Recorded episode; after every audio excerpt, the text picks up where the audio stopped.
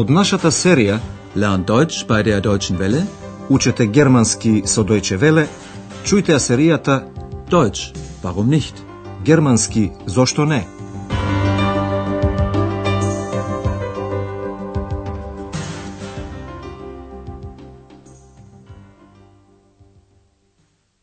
Liebe Hörerinnen und Hörer.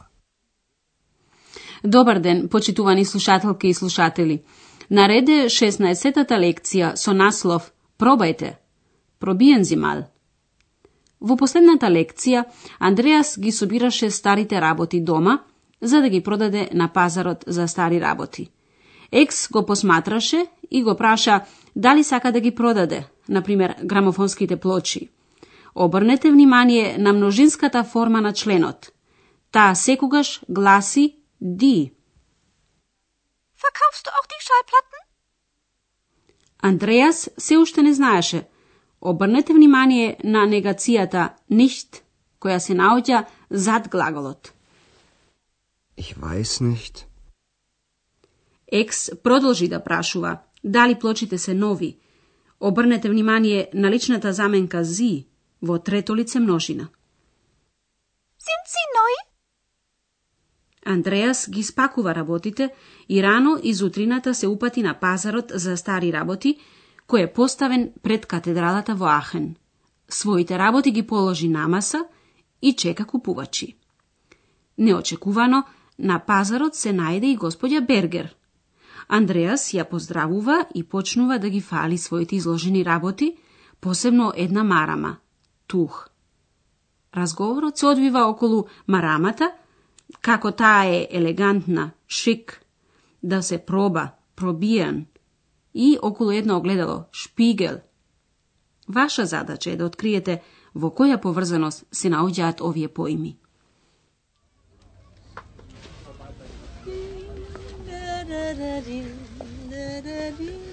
Tak, Frau Berger. Wie geht's? Tag, danke gut. Möchten Sie vielleicht ein Tuch? Hier, sehen Sie mal. Es ist sehr schick. Nein, danke. Probieren Sie mal. Hier ist ein Spiegel. Nein, wirklich nicht. Vielen Dank. Schade. Андреас ја фали марамата и вели дека е елегантна и сака да ја убеди господја Бергер да ја проба и да се огледа во огледалото. По неочекуваната средба со господја Бергер, Андреас ја прашува Дали сакате една марама?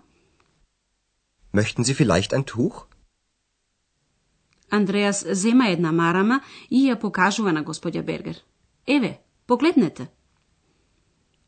Hier, sehen Sie mal. И освен тоа, ја фали марамата, велејки дека е елегантна, шик. Es ist sehr schick. Меѓутоа, господја Бергер одбива. Не, благодарам. Nein, danke. Andreas ja ohrabruva. Probajte. Probieren Sie mal. Za mig naođe jedno ogledalo. Špigel. Hier ist ein Spiegel. Međutim, gospođa Berger ne ostava da se nagovori. Vistina ne, blagodaram. Nein, wirklich nicht. Vielen Dank. Andreas žali. Šteta. Schade. Во еден миг, господја Бергер открива една книга. Бух. Што ја бара веќе подолго време. А сега, чујте го текот на разговорот. Екс се меша во разговорот. Што спречува? Зошто го прави тоа?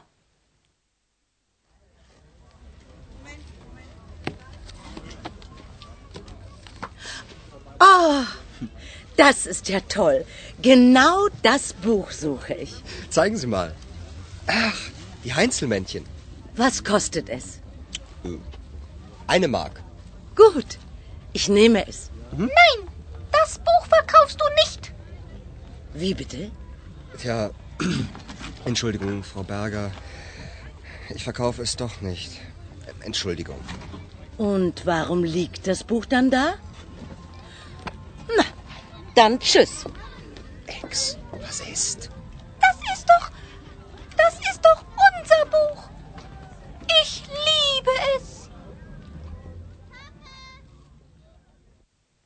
Екс не дава Андреас да ја продаде книгата за джуджињата, бидејќи тој од таа книга испадна своевремено. Токму преку оваа книга се запознаа Андреас и Екс. А сега, подетално, ќе ви го објасниме разговорот. Господја Бергер ненадејно е восхитена. Ох, па тоа е прекрасно! Oh, das ist ja toll. Ја бара токму, генау, таа книга што лежи на масата. Токму таа книга ја барам. Genau das Buch suche ich. Андреас ја бара книгата што ја пронајде господја Бергер. Покажете ја. Zeigen Sie mal. Андреа забележува дека е книгата за вредните джуджиња, Heinzelmännchen. Ach, die Heinzelmännchen. Господја Бергер прашува за цената. Колку чини? Was kostet es? Книгата чини само една, ајне, марка. Eine Mark. Јасно е дека господја Бергер ќе ја купи книгата. Добро, ќе ја земам. Gut, ich nehme es. Во тој миг се вмешува Екс. Не, му вели на Андреас. Книгата нема да ја продаваш. Nein, das Buch verkaufst du nicht. За да ги отстрани сите други незгодни прашања, Андреас се извинува и брза да каже Вистина, не ја продавам. Tja, Entschuldigung, Frau Berger. Ich verkaufe es doch nicht. Господја Бергер во почетокот е лута. Зошто тогаш книгата се наоѓа тука? Warum liegt das Buch dann da? Потоа таа заминува. Андреас го прашува Екс, што стана? Екс, што е? Ex, was ist? А Екс го подсетува дека книгата има посебно значење. Па тоа е нашата книга.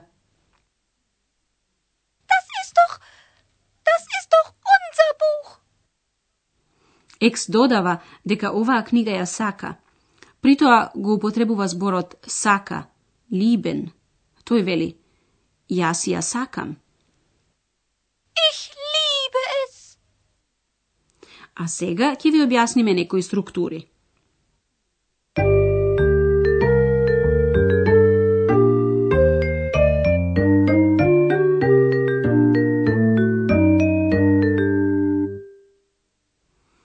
Нешто бараме од некого, тогаш ја употребуваме императивната форма, значи заповедниот начин на глаголот.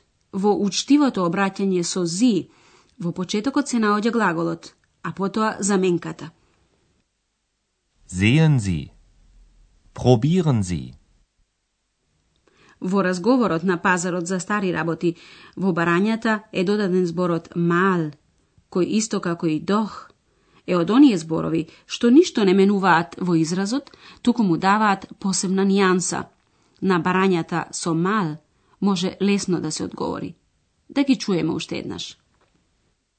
Sehen Sie mal. Probieren Sie mal.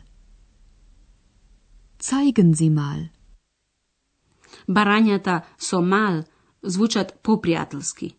Денеска слушнавте уште еден додаток за членот и именката во еднина.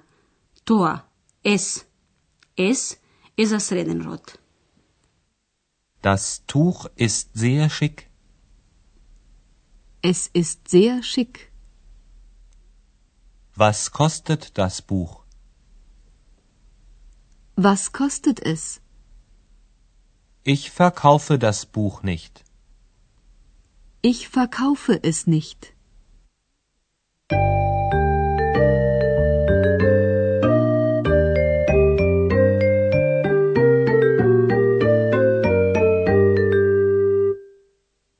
На крајот, чујте го уште еднаш целиот диалог.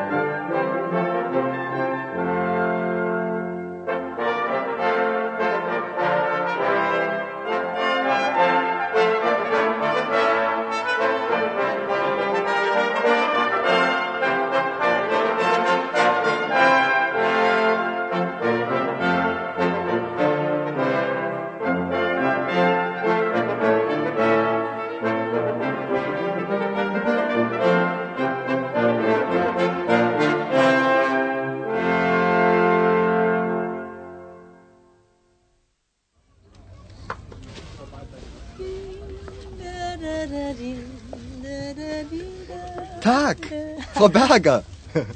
Wie geht's? Tag. Danke gut. Ähm, m- möchten Sie vielleicht ein Tuch? Hier, sehen Sie mal. Es ist sehr schick. Nein, danke. Probieren Sie mal. Hier ist ein Spiegel.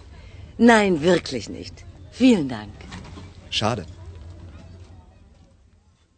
Во тој миг, господја Бергер открива една книга, која веќе ја бара подолго време.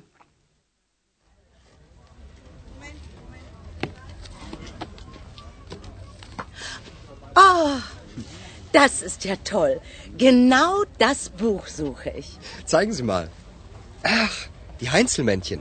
Was kostet es? Eine Mark. Gut, ich nehme es. Екс, меѓутоа, не сака Андреас да ја продаде книгата, бидејќи тие се запознаа преку неа.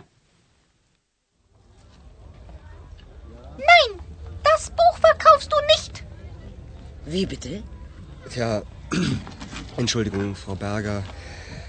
Ich verkaufe es doch nicht. Entschuldigung.